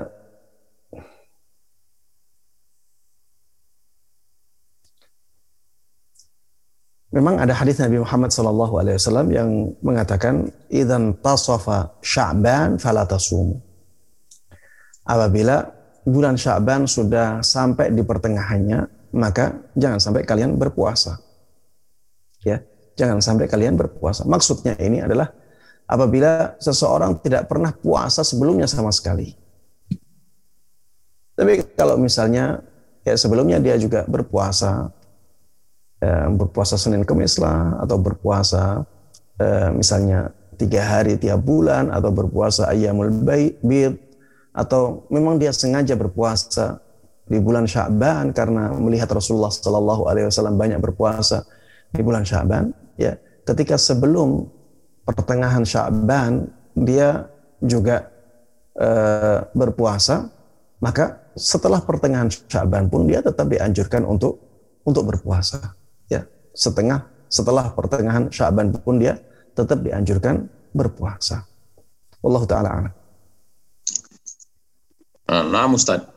Nah, uh, Ustaz, pertanyaan berikutnya ini menanyakan apakah kita bisa mengetahui Ustaz uh, kalau kita sudah melewati Ramadan uh, apakah kita diampuni atau tidak dosa-dosanya, apakah ada indikator yang bisa kita rasakan di dalam diri kita. Eh, kira-kira uh, apakah ada petunjuk Ustadz? Dan eh, kadang-kadang kita merasa bahwa setelah Ramadan ini turun kembali semangat kita. Nah, bagaimana kira-kira tips-tipsnya Ustadz supaya kita bisa stabil mempertahankan girah Ramadan kita sampai bulan-bulan berikutnya? Iya. Terima kasih Ustadz. Tafadol. Ya, diampunkannya dosa-dosa kita itu sesuatu yang gaib ya. Kita tidak bisa memastikan. Kita hanya bisa berhusnudzon kepada Allah Subhanahu wa taala setelah kita berusaha. Ya, saya katakan berhusnudzon setelah kita berusaha agar kita tidak salah menempatkan husnudzon. Ada orang-orang yang salah dalam menempatkan husnudzon. Dia belum berusaha, tapi tetap berhusnudzon terus. Ya, dia tidak berusaha untuk meraih ampunan dari Allah, tapi dia husnudzon. Allah pasti mengampuni dosa-dosaku. Atau kemungkinan besar Allah ampuni dosa-dosaku karena Allah Maha Rahmat, Allah Maha Pengampun, Allah Maha Pemaaf. Padahal dia tidak berusaha. Maka ini husnudzon yang salah tempat. Harusnya orang-orang yang demikian itu suudzon. Harusnya orang-orang yang demikian itu suudzon. Agar apa? Agar dia semangat untuk beribadah. Tapi kalau misalnya seseorang sudah berusaha sebaik mungkin melakukan amalan-amalan sekuat tenaga, semampu mungkin, maka dia harusnya husnudzan kepada Allah Subhanahu wa taala. Mudah-mudahan Allah Subhanahu wa taala menerima amal-amal kebaikannya dan mengampuni dosa-dosanya. Kalau perasaan di dalam hati mungkin akan kita rasakan. Hati kita menjadi lebih ringan, lebih bahagia, beban-beban jiwa menjadi hilang, ya. Kita lebih tenang dalam kehidupan itu bisa kita rasakan ya dan itu termasuk di antara pengaruh hilangnya dosa dalam hati kita. Karena para jemaah sekalian, dosa itu punya beban dan dosa juga punya kotoran. Ya. Punya noda, dosa itu mendatangkan noda, dosa itu punya beban. Kalau orang banyak berdosa, terus berdosa, seakan-akan dia ditambahi beban jiwanya. Kalau beban jiwanya semakin banyak, semakin banyak, semakin banyak, maka jiwanya akan semakin berat. Bisa sampai orang tersebut ingin mati saja. Makanya jangan heran ada orang-orang ahli maksiat ya. Dia sudah sudah berusaha untuk melakukan apa pun yang bisa membahagiakan dia. Dia turuti semua nafsunya. Tapi ternyata dia tetap ingin bunuh diri. Jawabannya karena itu ya. Karena dosa ini punya beban. Semakin banyak dosa yang dia lakukan, maka semakin berat jiwa dia memikul beban itu. Lama kelamaan jiwa akan lelah. Dan lebih baik mati daripada terus memikul beban yang berat itu. Dan dosa juga punya noda. Ya sebagaimana Rasulullah Shallallahu Alaihi Wasallam sebutkan dalam hadisnya yang sangat masyur, apabila seorang hamba melakukan satu perbuatan dosa, maka Allah akan torehkan satu noda di hatinya. Apabila dia berhenti dari dosanya, kemudian beristighfar dan bertaubat kepada Allah, Allah akan putihkan lagi. Allah akan bersihkan lagi hatinya. Tapi kalau dia melakukan dosa lagi, melakukan dosa lagi, melakukan dosa lagi, maka Allah akan tambahkan terus noda hitam itu dalam hati. Sampai akhirnya hatinya benar-benar tertutupi oleh noda hitam. Hatinya gelap. Dan orang kalau sudah hatinya gelap, perasaannya tidak tenang. Coba kalau antum berada atau kalau kita berada di lingkungan atau di kamar yang sangat gelap. Tidak ada cahaya matahari, tidak ada cahaya lampu, tidak ada tidak ada cahaya. Apakah kita akan merasakan ketenangan? Tentunya tidak. Kalaupun kita berjalan, jalan kita juga tidak akan lurus. Akan miring ke kanan, miring ke kiri, ya, tidak punya arah. Itulah orang yang hatinya sudah tertutupi oleh noda dosa. Jadi jalan hidupnya tidak terarah, Kemudian hatinya tidak tenang, selalu gundah, selalu gelisah. Makanya ketika seseorang diampuni dosa-dosanya oleh Allah Subhanahu wa taala, beban jiwanya akan hilang. Beban yang dipikul oleh jiwanya akan hilang atau minimal menjadi sangat sedikit menjadi ringan sekarang. Kemudian noda-noda yang ada di hatinya juga akan dihilangkan oleh Allah Subhanahu wa taala. Hatinya menjadi bersih kembali. Hatinya menjadi sehat. Kalau hati ini sehat, maka hati akan gembira. Hati akan ringan. Hati akan mudah membedakan mana yang benar, mana yang salah, mana yang batil, mana yang baik. Ya. Itu bisa kita rasakan ya. Tapi jangan sampai kita terlena dengan keadaan itu. Karena kalau seseorang terlena dengan keadaannya, bisa jadi dia ujub bisa jadi dia ujub dan ujub ini juga membahayakan. Ini juga penyakit hati. Ya, tetap kita selalu imbangkan ya antara khauf dan roja ini. Kalau misalnya eh, kita merasakan roja kita terlalu tinggi, maka kita harus turunkan.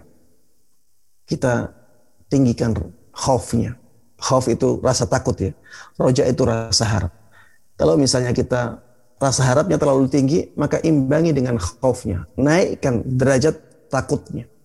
Takut kita terlalu tinggi sehingga efeknya tidak baik bagi jiwa, maka kita naikkan rojaknya. Sehingga ya kita selalu bisa berimbang dalam uh, memperlakukan atau mengondisikan antara rasa takut kita dengan rasa harap kita. Ya Allah taala alam. Ah, Ustaz. Uh, pertanyaan berikutnya Ustaz. Ini terutama ditanyakan oleh tenaga medis. Ya, terutama dokter atau perawat yang tadi Ustaz sampaikan kalau dari tujuh amalan utama di bulan Ramadan itu salah satu adalah itikaf. Terutama di 10 malam hari terakhir. Nah, tapi bagaimana dengan teman-teman kita yang kadang-kadang mereka itu harus jaga malam, Ustaz? Entah itu perawat atau dokter. Sebenarnya ingin sekali, tapi kondisi pekerjaan yang mengharuskan seperti itu. Silakan Ustaz Tafadol. Ya, pertanyaan yang sangat bagus ya. Kita harus tahu bahwa i'tikaf itu menjadikan seseorang bisa full beribadah dari awal malam sampai akhir malam. Ini harus difahami dulu ya. Kenapa harus i'tikaf? Karena kalau seseorang iktikaf berarti dia selalu beribadah. Selama iktikafnya. Karena iktikaf itu ibadah. Sehingga apabila seseorang iktikaf dari sebelum maghrib misalnya. Sampai masuknya waktu subuh. Maka dia berarti ibadah selama waktu itu. Karena iktikaf sendiri itu ibadah. Makanya kalau kita ingin memenuhi malam kita dengan ibadah, maka bisa kita dapatkan dengan iktikaf ini. Walaupun kita tidak membaca Al-Quran, tapi kita sudah iktikaf. Ya, tapi ya tetap lebih baik kita tambahi dengan amalan-amalan yang lainnya. Inilah fungsinya iktikaf.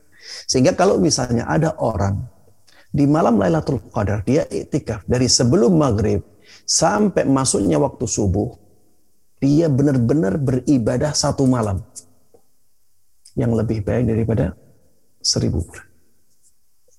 Ini fungsi itikaf ya. Adapun keutamaan malam Lailatul Qadar, maka ini tidak khusus bagi orang yang itikaf saja. Ya, poin yang kedua ini berbeda dengan poin yang pertama. Poin yang pertama menjelaskan tentang apa? Kalau kita ingin memenuhi malam dengan ibadah, kita bisa melaksanakan iktikaf. Dan ini yang paling mudah. Karena untuk membaca Al-Quran semalam suntuk, tanpa ada jeda, ini berat.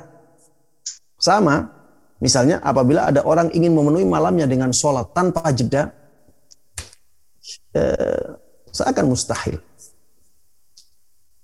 Orang ingin memenuhi malamnya tanpa jeda dengan sedekah, sulit. Tapi orang bisa memenuhi malamnya dengan ibadah tanpa jeda dengan iktikaf. Untuk poin yang kedua ini tentang keutamaan malam Lailatul Qadar itu tidak hanya bisa diraih oleh orang yang iktikaf saja tidak. Yang di luar yang tidak melakukan iktikaf pun bisa mendapatkan keutamaan malam Lailatul Qadar. Yang penting dia menggunakan waktunya untuk ibadah. Ya, maksudnya ibadah yang dilakukan di malam itu itu lebih baik daripada ibadah yang dilakukan di malam lain dan lebih baiknya sampai saya katakan tadi melebihi 60 ribu kali lipat. Melebihi 60 ribu kali lipat. Dan ini bisa kita lakukan tidak harus tidak harus di masjid ya. Di rumah pun bisa kita dapatkan keutamaan malam Lailatul Qadar. Di rumah sakit bisa kita dapatkan keutamaan malam Lailatul Qadar. Yang penting kita isi waktu kita dengan ibadah. Ya. Saya dengan banyak berzikir. Kalau bisa membaca Al-Quran, Masya Allah. Tapi kalau tidak bisa, misalnya tidak hafal kecuali ayat-ayat atau surat-surat yang pendek, ya silahkan untuk diulang-ulang surat-surat pendek itu. Yang penting kita menjadi orang yang membaca Al-Quran. Kalau misalnya tidak bisa atau bosan, ya bisa diganti dengan zikir-zikir. Dan menggerakkan lisan, ya tidak sesulit amalan ibadah yang yang lainnya seperti sholat misalnya. Harus mengkhususkan waktu, mengkhususkan tempat untuk menggerakkan lisan tidak harus seperti itu. Ya. Allah taala Jazakallah khair Ustaz. Pertanyaan ya. berikutnya Ustaz.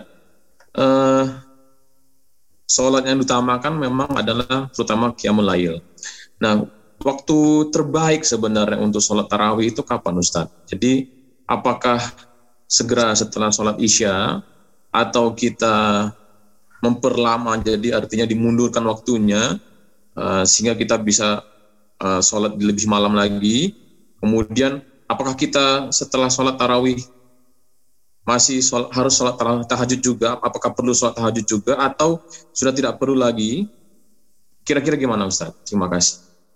Baik, para jemaah sekalian yang semoga dimuliakan dan dirahmati oleh Allah Subhanahu wa taala, kalau misalnya ada pilihan untuk sholat berjamaah, sholat malam secara berjamaah di akhir malam, maka itulah yang paling afdal. Kalau misalnya ada pilihan itu, ya ada pilihan sholat berjamaah, ya sholat tarawih berjamaah di akhir malam.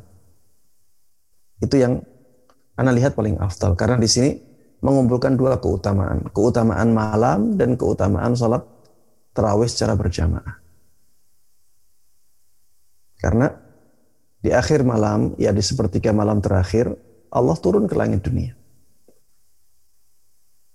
Allah turun ke langit dunia. Dan itu menunjukkan keutamaan sepertiga malam terakhir untuk beribadah, untuk bermunajat, untuk berdoa kepada Allah Subhanahu wa taala. Kemudian keutamaan yang kedua yaitu keutamaan sholat terawih secara berjamaah. Rasulullah Shallallahu Alaihi Wasallam pernah bersabda, "Man shalla ma'al imami hatta yansarif kutiba lahu qiyamul Barang siapa yang sudah sholat bersama imam sampai selesai, maka dicatat baginya pahala sholat semalam penuh. Dicatat baginya sholat semalam penuh. Sehingga kalau misalnya ada pilihan sholat berjamaah terawih di akhir malam, ya di sepertiga malam terakhir, maka itulah yang paling afdal. Tapi kalau misalnya tidak ada pilihan, pilihannya sholat sendiri di akhir malam dengan sholat terawih di awal malam secara berjamaah. Maka ikuti sholat terawih secara berjamaah di awal malam. Karena dengan begitu kita akan mendapatkan pahala tadi. Sholat semalam penuh. Sebagaimana disampaikan oleh Nabi kita Muhammad Sallallahu Alaihi Wasallam. Kalau misalnya kita ingin setelah sholat terawih itu secara berjamaah, kita ingin sholat lagi di tengah malam, di akhir malam, maka tidak ada masalah. Ya, tidak ada masalah, tidak dilarang, tidak dimakruhkan. Tetap saja ada anjuran untuk memperbanyak sholat di malam di malam bulan Ramadan, ya, terutama di 10 malam terakhir bulan Ramadan. Karena Rasulullah Shallallahu Alaihi Wasallam dikatakan dalam sebuah hadis, karena ahya al-laila kullahu Dahulu Rasulullah Sallallahu Alaihi Wasallam ketika memasuki 10 malam terakhir bulan Ramadan itu menghidupkan seluruh malamnya. Dan Rasulullah Sallallahu Alaihi Wasallam tidak membatasi rakaat salat malamnya. Ya, memang Rasulullah Sallallahu Alaihi Wasallam salat malamnya itu 11 rakaat, terus seperti itu. Baik di bulan Ramadan atau di bulan yang lainnya. Tapi Rasulullah Sallallahu Alaihi Wasallam tidak membatasi untuk umatnya bilangan rakaat salat malam. Rasulullah katakan salatul laili mathna mathna fa idza ahad fa idza khashiya ahadukum ahadukum subha falyutir bi wahidah. Salat malam itu dua rakaat dua rakaat. Maka apabila salah seorang dari kalian takut datangnya waktu subuh, maka berwitirlah satu rakaat. Di sini Rasulullah Shallallahu Alaihi Wasallam tidak menyebutkan adanya batasan harus 23, harus 11, harus eh, 39. Tidak ada batasan seperti itu. Ya, bahkan ada seorang sahabat bertanya kepada Rasulullah Shallallahu Alaihi Wasallam setelah diimami oleh beliau. Sholat tarawih, sholat malam di malam Ramadan. Lau naffaltana baqiyata lailatina. Setelah selesai sholat tarawih, sahabat ini mengatakan, wahai Rasulullah, kami ingin engkau mengimami kami untuk sholat sunnah di sisa-sisa malam kami ini. Padahal sholatnya Rasulullah sudah sangat lama ya.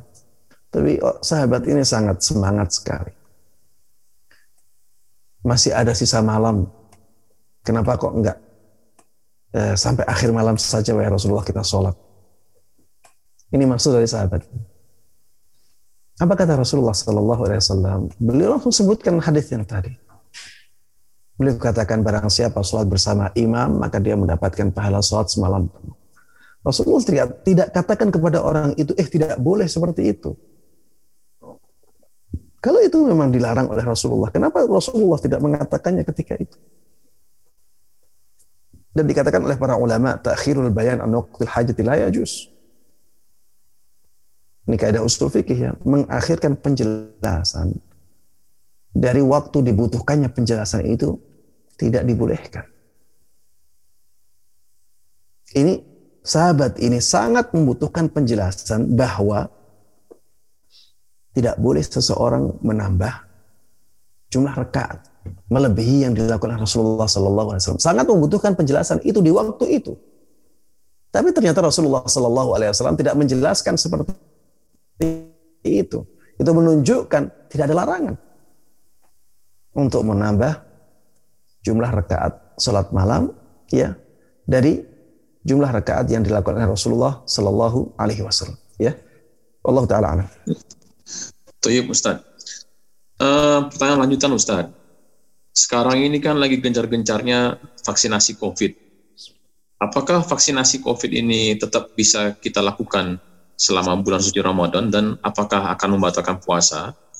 Begitu juga untuk tindakan-tindakan medis lainnya seperti transfusi darah atau endoskopi memasukkan selang ke mulut begitu untuk melihat saluran cerna Nah, kira-kira gimana untuk tindakan-tindakan medis tersebut, Ustaz? Apakah akan membatalkan puasa?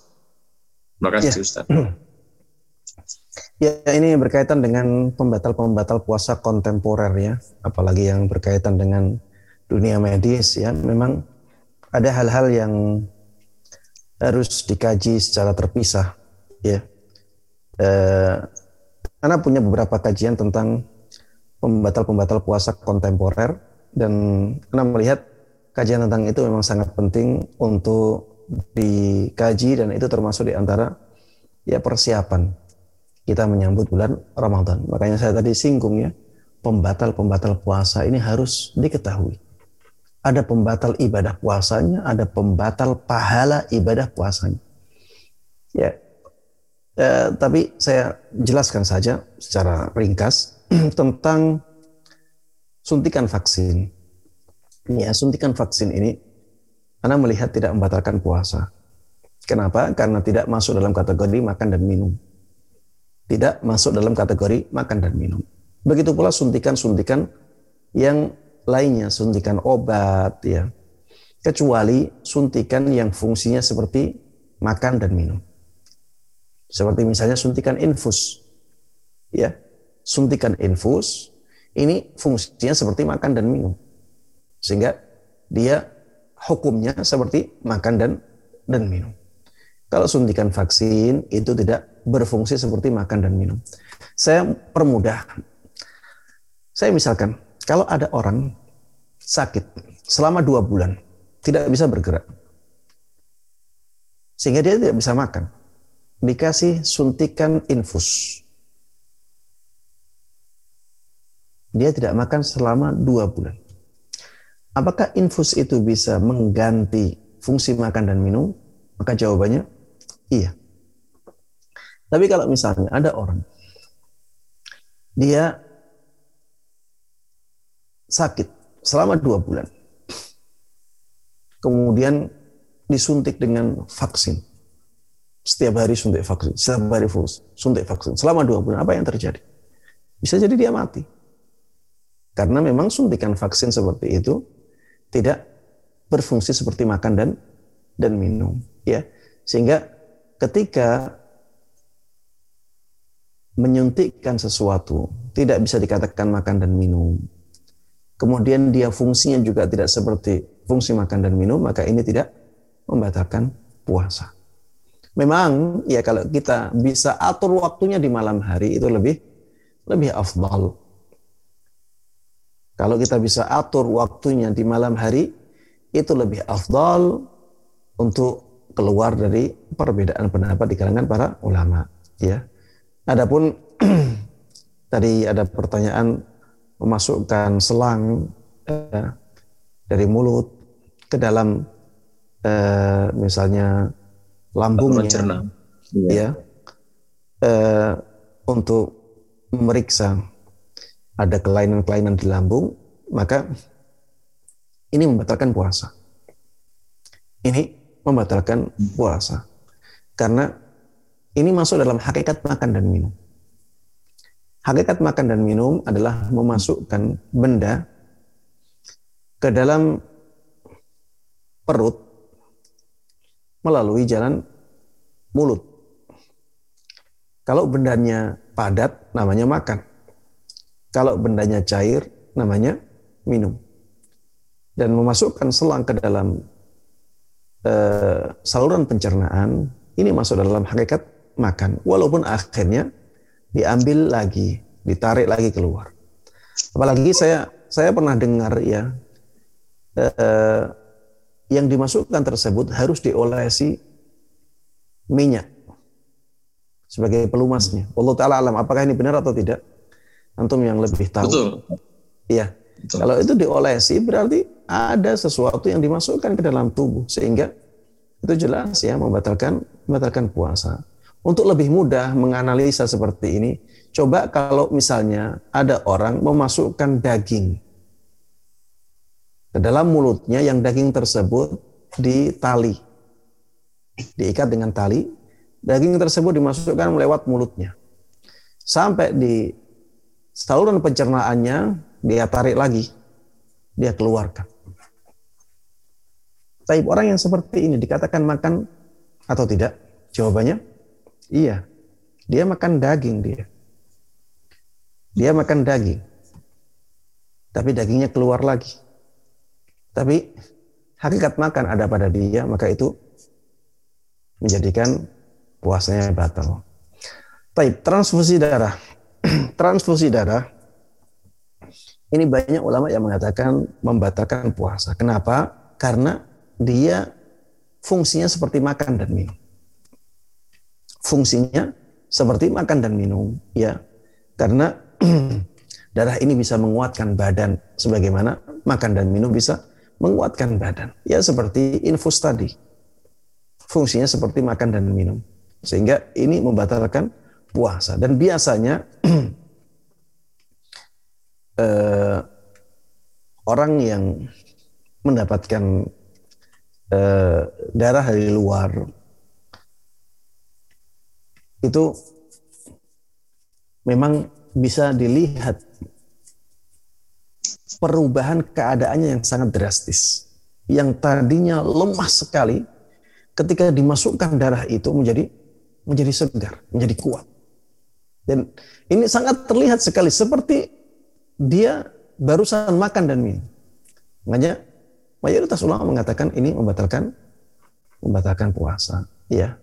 Berbeda kalau darahnya didonorkan, dikeluarkan. Ini tidak membatalkan tidak membatalkan puasa karena tidak ada hakikat makan dan minum dan tujuannya juga tidak seperti makan dan minum ya. E, pengambilan sampel darah ini ini tidak ada masalah sama sekali. Bekam ya ini juga tidak membatalkan puasa menurut pendapat yang paling kuat Allah taala. Hmm. Tuh Ustaz. Berarti donor darah masih diperbolehkan berarti Ustaz ya? Boleh. Boleh. Baik. Baik yang pertanyaan lanjutan Ustadz dari pasien kanker di Darmais mereka ini sedang menjalani kemoterapi. Kemoterapi itu pemberian obat untuk kankernya. Yeah. Nah itu kadang-kadang efeknya itu di hari tiga atau lima hari pertama itu mual muntah hebat Ustadz. Hmm. Nah nanti untuk ke depannya apakah mereka ini bisa membayar vidya atau harus ganti puasanya atau bagaimana Ustadz? Terutama beberapa mereka yang menanyakan itu karena cancernya ini masih berjalan, kadang-kadang merasa lemah, setelahnya juga masih terjadi gitu. Kira-kira gimana Ustaz? Iya. Kita harus tahu ya bahwa fidyah itu bisa mengganti puasa seseorang ketika orang tersebut dianggap tidak mampu lagi untuk berpuasa selama-lamanya. Hmm fidyah itu wajibnya untuk orang yang seperti ini. Orang yang dianggap tidak mampu berpuasa untuk selama-lamanya.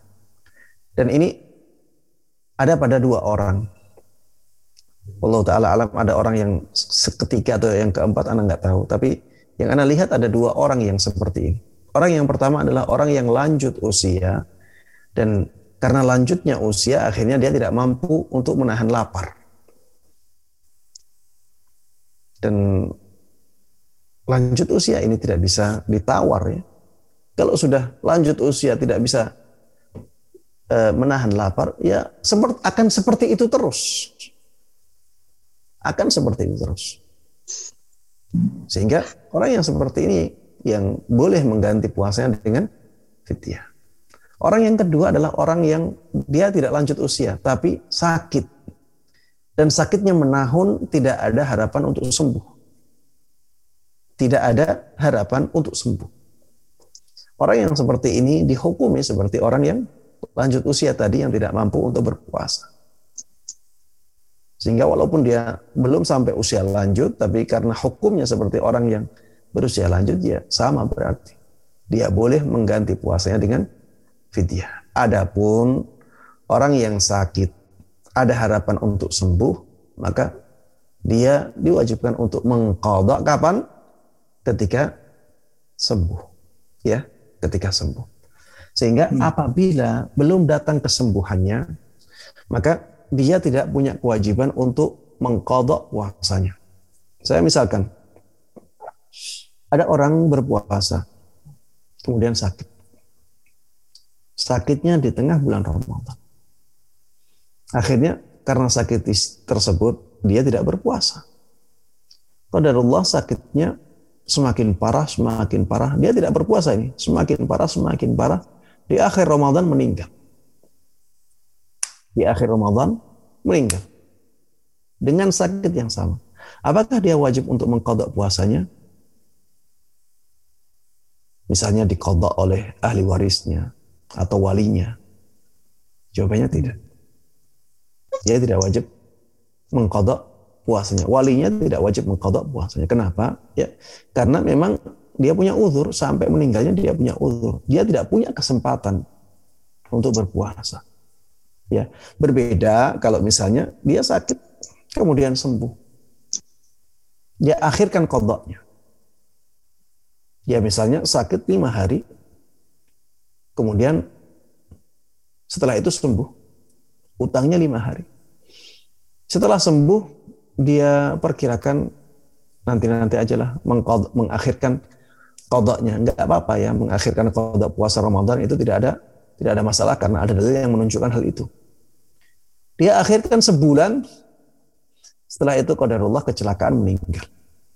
Orang yang seperti ini wajib untuk mengkodok puasanya ya dan yang mengkodok adalah walinya ya Allah taala alam. Uh, baik Ustadz, terima kasih. Uh, Ustadz, ini waktu sudah mulai menunjukkan jam 9.30. Apakah masih boleh satu pertanyaan lagi mungkin Ustadz? Tep, silahkan satu pertanyaan lagi. Baik. Uh,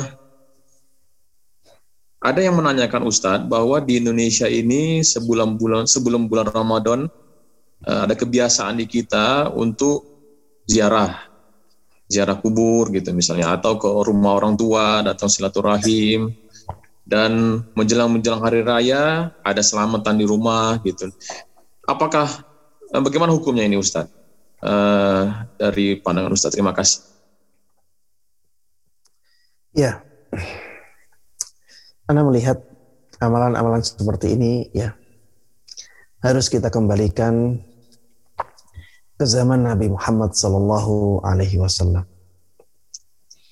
Apakah dahulu Rasulullah Sallallahu Alaihi Wasallam dan para sahabatnya menyambut Ramadan dengan praktek yang seperti itu? Kenapa kita harus kembalikan ke zaman Nabi?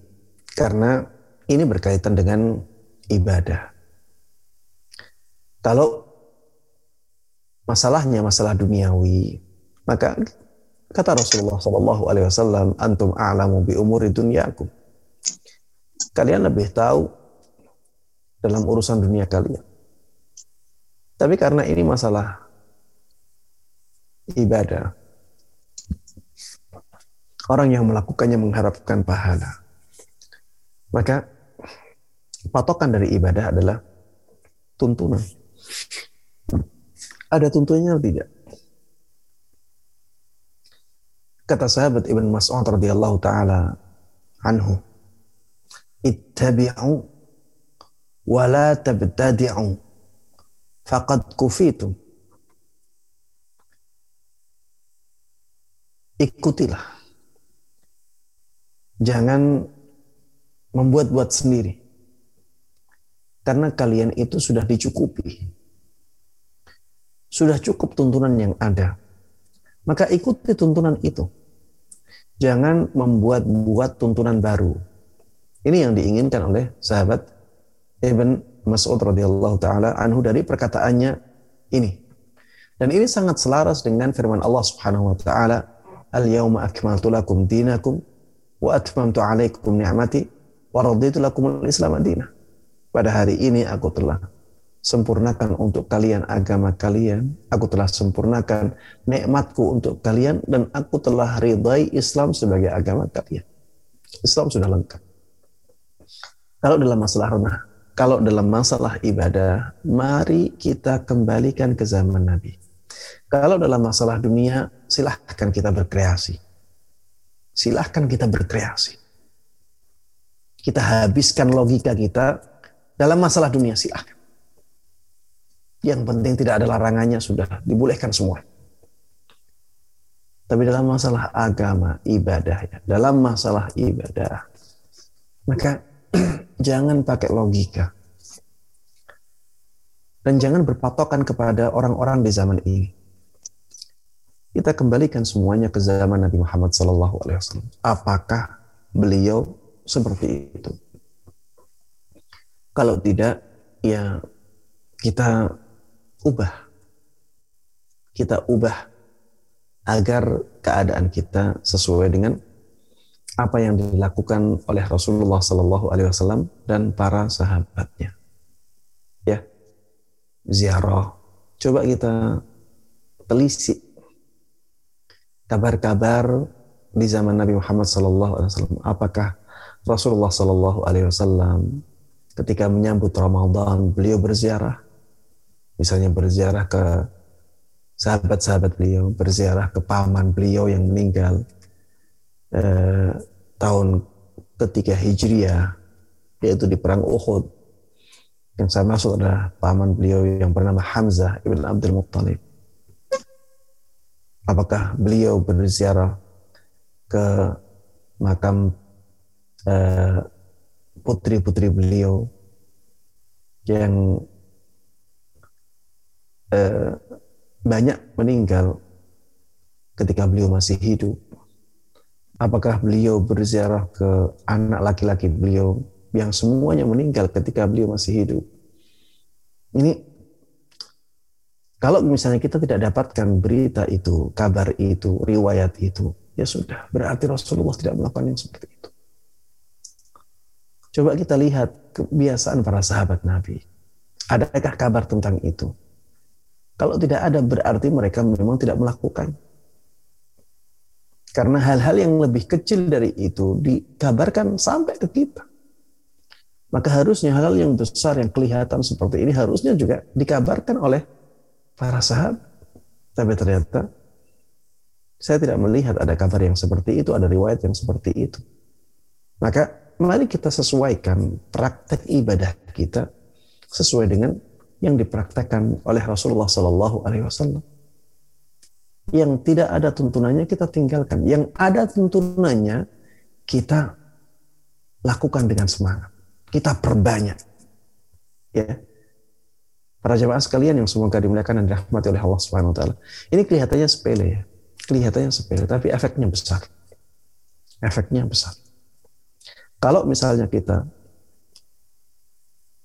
melakukan amalan-amalan yang tidak ada tuntunannya, secara otomatis jiwa kita akan tidak senang kepada orang-orang yang hanya mencukupkan mencukupkan diri dengan amalan-amalan yang disunahkan. Amalan-amalan yang ada tuntunan. Saya misalkan ya, saya misalkan ini contoh sederhana dan ini bisa dikembangkan dalam keadaan-keadaan yang lain. Kalau misalnya orang punya kebiasaan setiap selesai sholat dia salaman. Setiap selesai sholat dia salaman ke kanan, ke kiri, bahkan dua orang setelah yang di kanannya. Dua orang setelah yang di kirinya, dia salami semuanya. Di belakangnya dia salami, di depannya dia salami. Ini tidak ada tuntunannya di zaman Nabi Muhammad SAW seperti itu. Silahkan cari riwayat yang menjelaskan itu. Tidak ada. Kalau orang yang seperti ini melihat ada orang yang tidak salaman, apa anggapan orang ini? Orang ini akan menganggap orang itu kok tidak baik seperti itu. Mana sosialnya, mana akhlaknya, kenapa tidak mau salaman? Padahal dialah yang sesuai dengan tuntunan. Sehingga akhirnya terbalik ya, akhirnya terbalik yang harusnya sesuai dengan tuntunan dia benci. Dia tidak suka. Paling paling minimal dia tidak suka dengan orang yang seperti itu. Karena dia melakukan yang seperti itu, melakukan yang tidak sesuai dengan sunnah, akhirnya yang melakukannya sesuai dengan sunnah, dia anggap tidak melakukan sesuatu yang baik. Akhirnya dia tidak suka. Dan ini akan berkembang terus seperti itu. Nantinya ya akan berkembang di ibadah-ibadah yang lainnya. Dan memang kenyataannya seperti itu. Makanya ada sebagian eh, perkataan ya perkataan dari sebagian ulama salaf mengatakan tidaklah bid'ah itu dihidupkan kecuali nantinya akan ada sunnah yang mati. Semakin banyak bid'ah dihidupkan, semakin banyak sunnah yang mati. Dan seperti itulah keadaan. Orang yang semangat melakukan amalan-amalan yang tidak ada tuntunannya, maka dia semakin malas melakukan amalan-amalan yang jelas tuntunannya. Sebaliknya juga demikian. Orang yang semangat melakukan amalan-amalan yang disunahkan saja, dia semakin malas melakukan amalan-amalan yang tidak ada tuntunannya. Dan kalau ini terus dibiarkan, efeknya akan sangat buruk. Orang akan merasa melakukan amalan yang sangat banyak padahal tidak ada pahalanya karena Allah tidak terima. Man amila amalan laisa alaihi amruna fahuwa kata Rasulullah sallallahu alaihi wasallam. Barang siapa yang melakukan amalan ibadah yang tidak ada tuntunannya, tidak ada contohnya, maka amalan ibadah tersebut ditolak oleh Allah Subhanahu wa taala. Ya. Eh, Adapun misalnya mudik untuk silaturahim dengan keluarga, maka Anda melihat tidak ada masalah. Dan di zaman dulu ya eh, memang terjadi hal-hal yang seperti itu. Di zaman salaf sudah terjadi saling menziarahi dengan bukti bahwa setelah sholat eh, setelah sholat Aid ya mereka saling memberikan selamat. Saling memberikan selamat. Dan ini eh, berkonsekuensi bertemunya di antara mereka. Adanya pertemuan di antara mereka.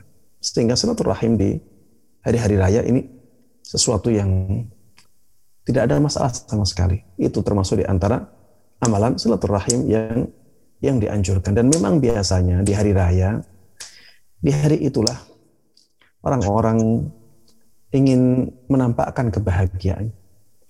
Dan itu bisa diraih oleh seseorang ketika berkumpul bersama keluarganya. Ya, ada kebahagiaan di sana. Kemudian biasanya orang-orang itu punya waktu banyak untuk bersilaturahim ya di waktu itu. Karena memang masyarakat sudah terkondisikan untuk itu. Sehingga memang momen hari raya untuk bersilaturahim ya. Ini memang momen yang sangat pas. Dan sampai saat ini ya di negara Saudi pun melakukan yang seperti itu. Ya saya di Saudi lama ya 15 tahun saya melihat ada kebiasaan seperti itu. Memang ada mudik ya. Ada pulang kampung. Mereka silaturahim di sana makan-makan bersenang-senang. Allah taala Baik, itu yang bisa saya sampaikan. Mudah-mudahan bermanfaat. Mudah-mudahan Allah berkahi dan mudah-mudahan Allah menjadikan kita semuanya orang-orang yang bisa dengan baik dan mudah mengamalkan ilmu yang sampai kepada kita dan mudah-mudahan bisa dengan dan bisa dengan baik dan mudah menyebarkannya kepada orang-orang lain. Amin amin ya rabbal alamin. Ya Wassalamualaikum warahmatullahi wabarakatuh. Nabi Muhammadin wa ala alihi wa sahbihi wa man tabi'ahum bi ihsan ila yaumiddin. Alamin. Irji'i ila rabbiki radiyatan. فادخلي في عبادي. وادخلي جنتي.